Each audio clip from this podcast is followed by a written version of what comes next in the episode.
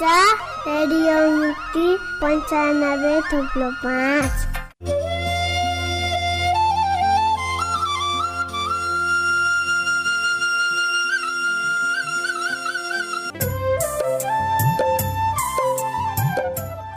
नमस्कार कार्यक्रम प्रवचन विशेषमा यहाँलाई हार्दिक स्वागत छ। कार्यक्रमसँगै उपस्थित भएका छौँ प्राविधिक साथी मनिषासँगै म कल्पना तिवारी।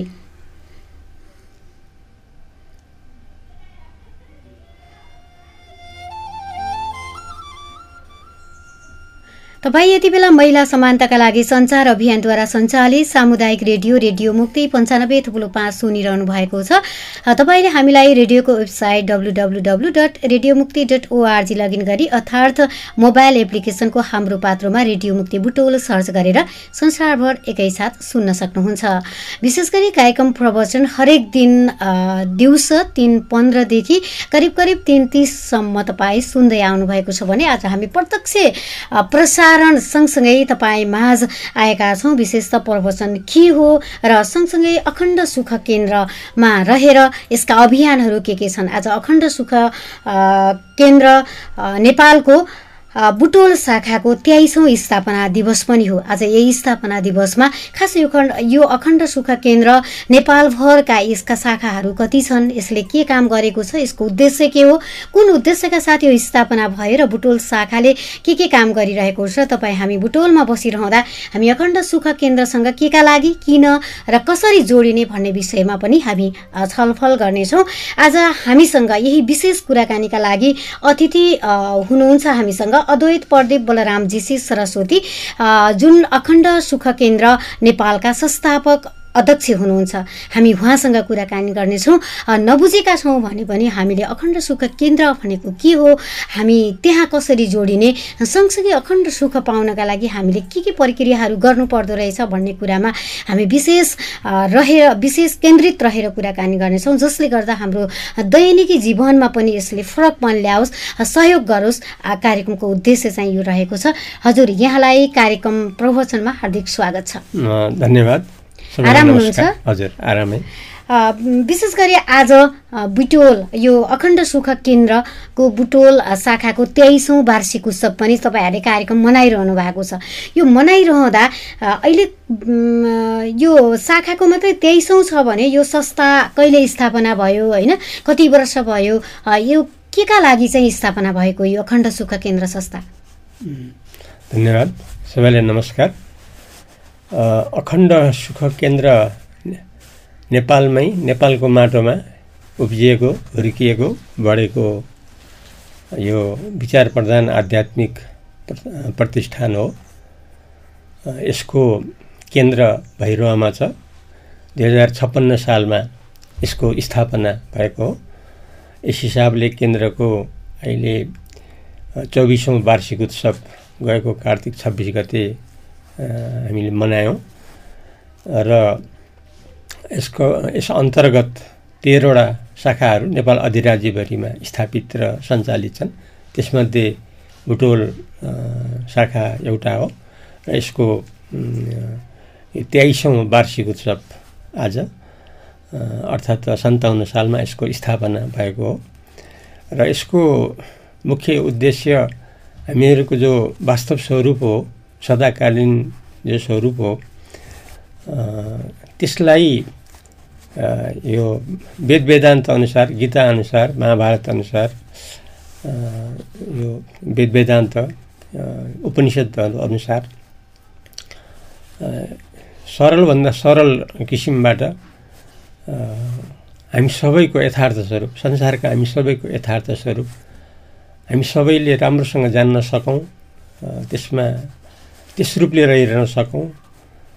परिणाममा हामीहरूको अखण्ड सुख सधैँ सुख सम्भव होस् यस्तो उद्देश्य बोकेर यो अखण्ड सुख केन्द्रको स्थापना दुई हजार छप्पन्न सालमा भैरवा केन्द्रको रूपमा यो स्थापित हो।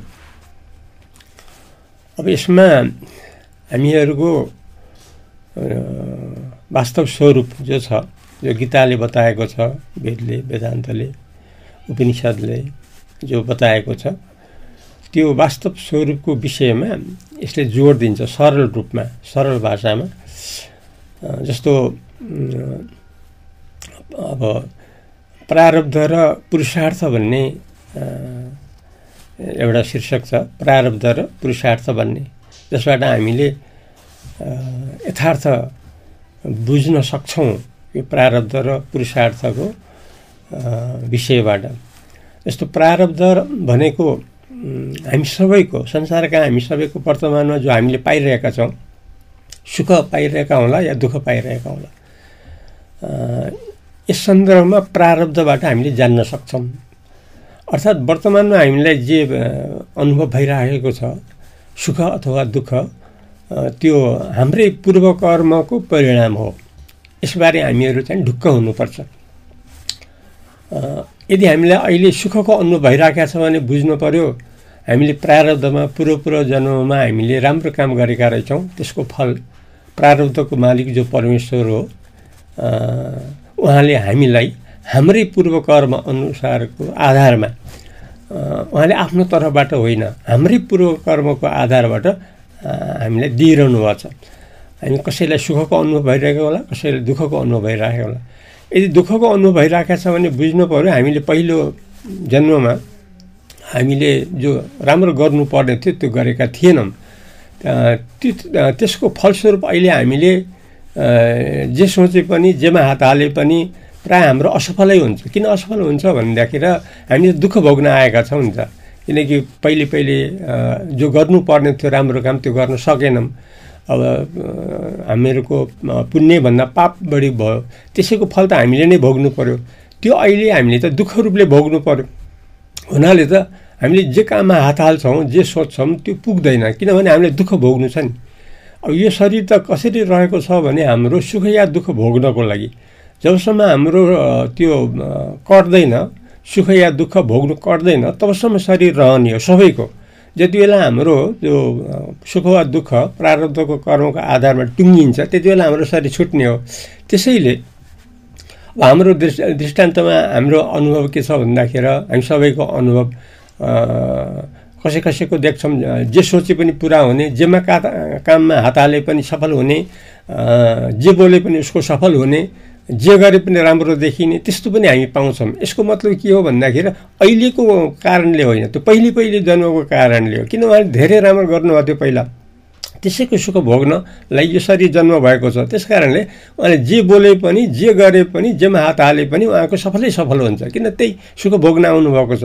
फेरि कसैको जति गरे पनि जति प्रयत्न गरे पनि दुःखै दुःखको अनुभव हुन्छ चिन्तै चिन्ताको अनुभव हुन्छ डरै डरको अनुभव चाहिँ किन भन्दाखेरि त्यही दुःख भोग्न यो शरीर आएको हो। त्यसकोमा कारण के भन्दा पहिलाको पूर्वजन्मको आफ्नो कारणले गर्दाखेरि त्यस कारणले सुख दुःख हामीले जो भएका छौँ त्यो पहिलाको कर्मको कारणले मात्रै हो र यसको चाहिँ नि सञ्चालन। प्रारब्धको मालिक जो परमेश्वर हो उहाँले चाहिँ नि कति पनि घटिबढी नगरेर दिनुहुन्छ। त्यसैले आफ्नो विषयमा कुनै चिन्ता लिनु पर्दैन किनभनेदेखि प्रारब्धबाट यो सञ्चालित हो। अरूको अरूको विषयमा पनि मैले यहाँनिर काटेँ अनि यो अखण्ड सुख केन्द्र भनेको चाहिँ यही प्रवचनका लागि चाहिँ स्थापना भएको संस्था हो। हो निश्चित रूपमा प्रवचन। किनकि सबैभन्दा मार्मिक चाहिने सुन्नुबाट हुन्छ। साधनहरूमा सबैभन्दा सजिलो छिटो प्रभावकारी चाहिने भन्नु सुन्नुबाट हुन्छ। त्यसै कारणले प्रवचनमा आधारित हो हाम्रो कार्यक्रम।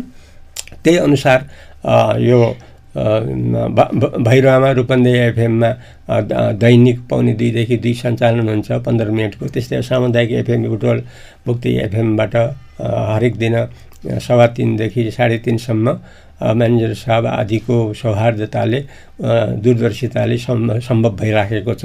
यो सत्ताइस अट्ठाइस महिनादेखि नै लगातार।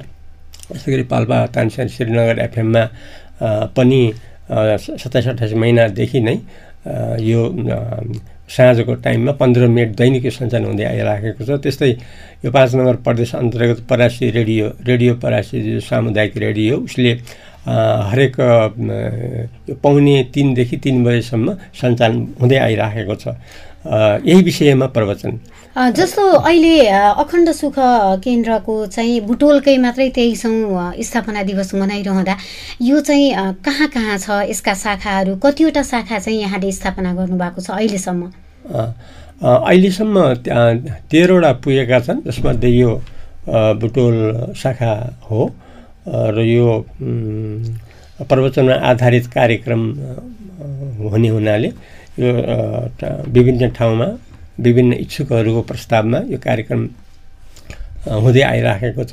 र विशेष सबैलाई राम्रो सहयोग हुन सकोस् इच्छुकलाई सबैलाई यस्तो अवसर प्राप्त हुन सकोस् भनेर हामीले यो मुक्ति एफएम बुटोललाई म्यानेजर साहबलाई पनि हामी सम्पर्क राख्यौँ र उहाँबाट सकारात्मक सहयोगको कुरा हामीले पायौँ। जसबाट यही माध्यमबाट हामीले हाम्रा सदस्यहरू श्रद्धालुहरू इच्छुकहरूलाई सबैलाई सुन्न सम्भव भइराखेको छ र हामीहरूको माध्यम मुख्य चाहिँ नि प्रवचनै हो। र आजकल सबैलाई सजिलो होस् सम्भव होस् भनेर यसलाई हामीले विशेष साधनको रूपमा लिएका छौँ। जस्तो अखण्ड सुख केन्द्र बुटोलमा छ अहिले हामी बुटोलको तेइसौँ स्थापना दिवसको एउटा वार्षिक उत्सवको बारेमा पनि बोलिरहेका छौँ। बुटोलमा अखण्ड सुख केन्द्रको कोही सदस्य बन्न इच्छा हुनुभयो अथवा त्यहाँ गएर साधना सिक्नका लागि चाहिँ अथवा सुन्नका लागि चाहिँ जानु जान इच्छुक हुनुहुन्छ भने कसरी सम्पर्क गर्ने त्यहाँ के के हुन्छ कस्ता प्रक्रियाहरू हुन्छन् बताइदिनुहोस् न। यसमा अब यो हाम्रो शाखा समितिको पनि व्यवस्था छ। जस्तो बुटोलमा देवीराम पाण्डे शाखा प्रमुख हुनुहुन्छ अभिभावकको रूपमा घनश्याम घिमिरे हुनुहुन्छ उहाँहरू मार्फत हामीले प्रवेश सय रुपियाँ दिएर प्रवेश गर्छौँ र दैनिक एक रुपियाँको दानको व्यवस्था छ। त्यो शुल्कको रूपमा प्रयोग हुन्छ तिन सय पैँसठी वर्षको। आदि शाखामा जम्मा हुन्छ आदि केन्द्रमा जान्छ। र किताबहरू हामीसँग छ वेद वेदान्तका आधारित नेपाली सरल भाषा किताबहरू। त्यसबाट हामीले पढ्न सिक्न सक्छौँ। र अनि आफूलाई लागेका शङ्काहरू टेलिफोन आदिबाट दैनिक सत्सङ्गको माध्यमबाट हामीले गर्न सक्छौँ। र मुख्य चाहिँ नि अहिले बुटोल शाखामा क्षेत्रमा यही सामुदायिक मुक्ति एफएमको यो पन्ध्र मिनटको दैनिक कार्यक्रमबाट हामीले यसको उपयोग भरपुर गर्दै आइरहेका छौँ। यस किसिमबाट हाम्रो सबै ठाउँमा ठाउँ ठाउँमा यसरी यही प्रक्रियाबाट चल्दै आइरहेको छ। अब यसको कार्यालयहरूभित्र छन् खास विशेष के के कामहरू हुन्छन्? यसको विशेष कार्यक्रम के भन्दाखेरि हाम्रो जो वेद वेदान्त छ हाम्रो गीता आदि छन् त्यसको निचोड जो हरेक मानिसलाई सधैँ सुखी सधैँ सदाकालीन मुक्तिलाई जो देखाएको छ सबैको चिन्ता दुःख डर सबै हट्न सकोस् सधैँ सुख सबैलाई सम्भव होस् भनेर अब संसारमा सबैभन्दा विश्वस्त र सर्वोपरि माध्यम त वेद वेदान्त नै हो।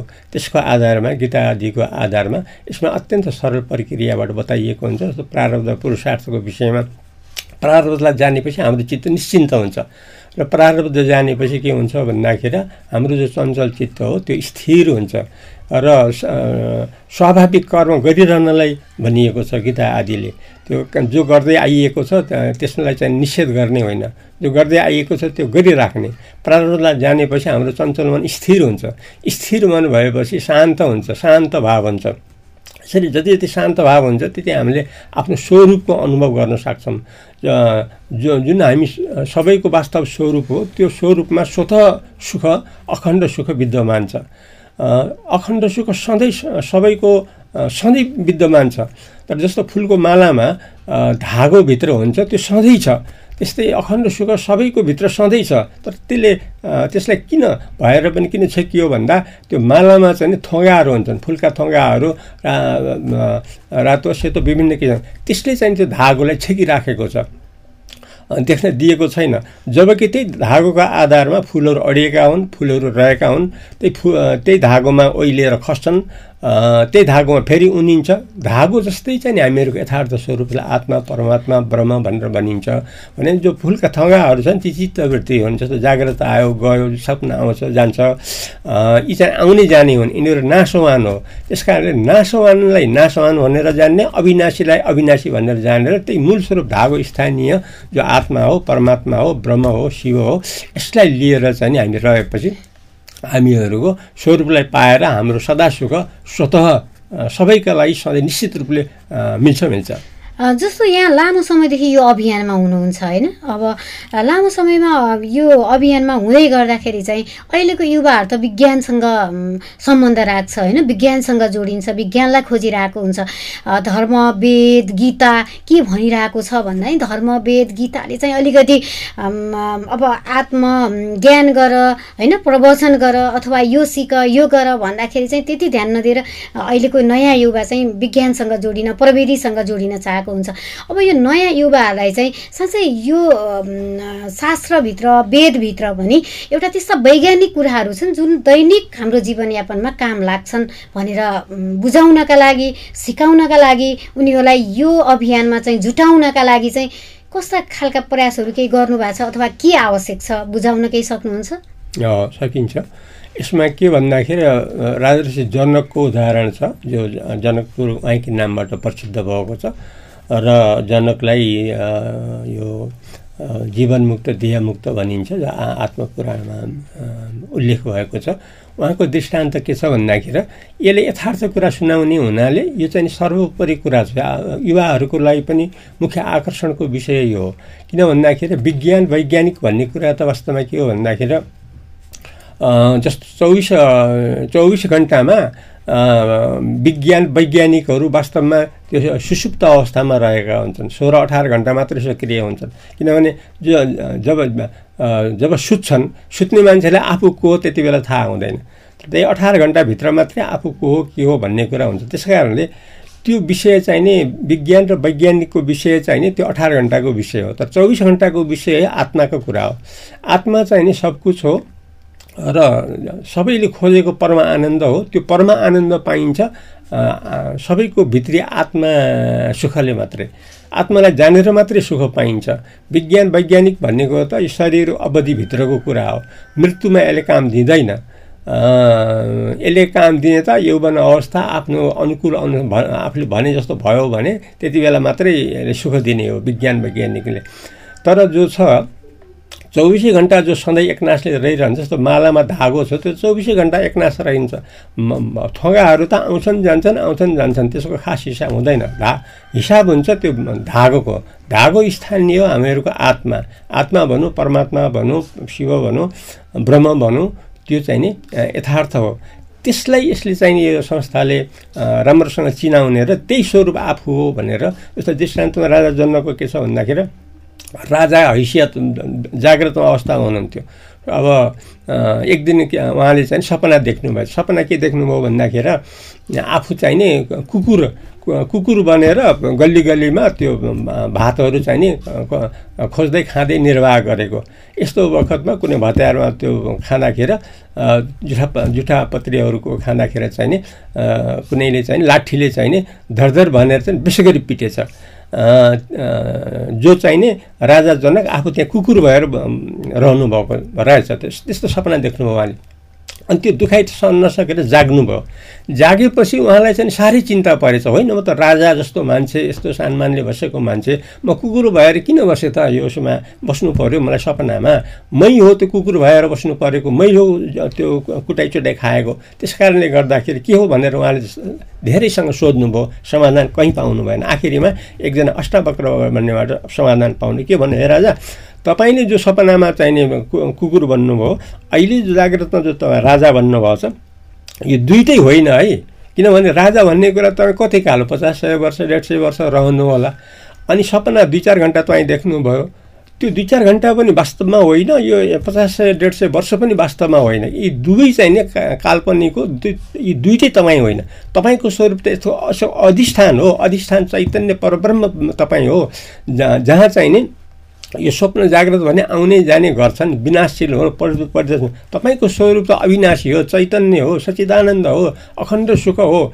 त्यो तपाईँको स्वरूप। त्यस कारण आफ्नो स्वरूपले समात्न समात्नुहोस् तपाईँलाई कुनै चिन्ता हुन सक्दैन न तपाईँ कुकुर हो न त राजा हो। तपाईँ त यी दुइटैको अधिष्ठान हो। जस्तो मालामा चाहिँ नि फुल रातो पनि होला पहेँलो पनि होला। त्यो फुल तपाईँ होइन। त्यो त्यो त आउने जाने हो। धागो तपाईँ हो त्यो धागो स्थानीय जो परमात्मा हो त्यसलाई तपाईँ आफू भन्नुहोस्। त्यो सदाकालीन हो त्यो तपाईँको स्वरूप। युवाहरूले चाहिँ जोड्न सके। तर सर्टकटमा युवाहरूले चाहिँ दैनिकी आफ्नो कार्यहरू गर्छन् नि। यो सबै कुराहरू प्रवचन सुन्न नभ्याउलान् होइन। युवाहरूले चाहिँ दैनिक कार्यमा छोटो रूपमा के गर्यो भने चाहिँ साँच्चै एउटा हामी विज्ञान सँगसँगै यो आध्यात्मिकतिर पनि एउटा लगाव एउटा अनुशासनमा रहन सक्छौँ त। यसमा उपाय छोटकरीमा के भने जस्तो कस्तुरी मृगको छ कि भने कस्तुरीको नाभिबाट मङ मङ मङ मङ बसा बासना स्वतः सधैँ आएको हुन्छ। तर त्यसलाई थाहा भएन कि मेरो चाहिँ नि नाइटाबाट यस्तो मङ मङ आछ भनेर थाहा भएन उसलाई। अनि उसले त कुन बोटामा छ कुन पातमा छ भने चिमोट्दै चिमोट्दै यसरी उसको जिन्दगी बित्यो आखिरी मऱ्यो त्यो सुगन्ध थाहा पाउन सकेन। जबकि आफ्नै नाइटाबाट आएको थियो त्यस्तै हरेक मानिसको भित्र जो हामीले मरिमेटी गरेर आनन्द खोजिरहेका छौँ त्यो आफ्नै हृदयमा छ आफ्नै आत्मा रूपले चैतन्य रूपले परब्रह्म रूपले सचिदान रूपले छ।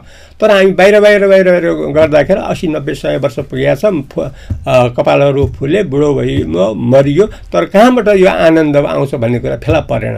तर त्यो कस्तुरी मृगलाई ए कस्तो तिम्रै हो उसबाट हो नाइटाबाट हो भनेपछि उसले सुखको लागि सुगन्धको लागि बाहिर जानु परेन। त्यस्तै हामीको भित्र जो हामीले खोजिरहेका छौँ आनन्द परमानन्द त्यसको लागि हामीले सारा समय मरिमेटी गरेका छौँ त्यो वास्तवमा आनन्द भित्रै छ हृदयमा छ त्यो चैतन्य रूपले परमानन्द रूपले परमात्मा रूपले। त्यसैले जाने तुलसी नजाने झार जान्यो भने तुलसी हो नजान्यो भने झार। जान्यो भने जो हामीले सारा सुख खोजेका छौँ त आफू भित्रै छ आफैमै छ। जानेनौँ भनेदेखि सधैँ दुःख चिन्ता डरले घेरिएको थियो यस्तो कुरा युवाको कानमा हरेकमा हामीले पुर्याउनु खोज्यौँ भने निश्चित रूपमा युवाहरूको मुख्य आकर्षणको विषय या अखण्ड सुख केन्द्र नै हुन्छ। भनेपछि अब हामी अन्तिममा पनि आएका छौँ। आज बुटोलको अखण्ड सुख केन्द्र जुन शाखा छ यसको चाहिँ हामी तेइसौँ वार्षिक उत्सवमा छ। अन्त्यमा हाम्रा श्रोताहरूलाई शुभकामना व्यक्त गर्दै आफ्नो भनाइ पनि अन्त्य गरिदिनु हुन चाहिँ अनुरोध गर्दछु। अ, धन्यवाद। यो बुटोलमा रहेको सामुदायिक मुक्ति एफएम जसमा यसको म्यानेजर हुनुहुन्छ कल्पना तिवारीज्यू। उहाँको पहिला म ज्यादै प्रशंसा गर्छु किनकि उहाँले सुरुदेखि नै अहिलेसम्म उहाँको हरेक पाइला पाइलामा प्रयत्नले आज आफ्नै घर आफ्नै बिल्डिङ आफ्नैमा ठड्याउनु भएको छ। यो सबै गौरवको कुरा हो हामी त्यसमा गौरव गर्छौँ। यसको लागि धेरै धन्यवाद। र बुटोल शाखा परिवार र सम्पूर्ण श्रद्धालुहरूलाई के अनुरोध भनेदेखि हरेक दिन उहाँको तारतम्यले यो सवा तिनदेखि साढे तिनसम्म हरेक दिन यो प्रवचनको प्रसारण दूरदर्शिताको उसले गरिरहनु भएको छ। यो उहाँलाई कायम राख्नलाई अनुरोधको साथसाथै सबैले यो टाइम दिनुहुन सुन्नुहुनुलाई म हार्दिक अनुरोध गर्दछु र सबैलाई हार्दिक धन्यवाद र विशेष गरेर मुक्ति एफएमका स्टेसन म्यानेजर कल्पना तिवारीज्यू लगायत उहाँको टिम परिवारलाई धन्यवाद दिन चाहन्छु र सबैसँग बिदा माग्छु। नमस्कार।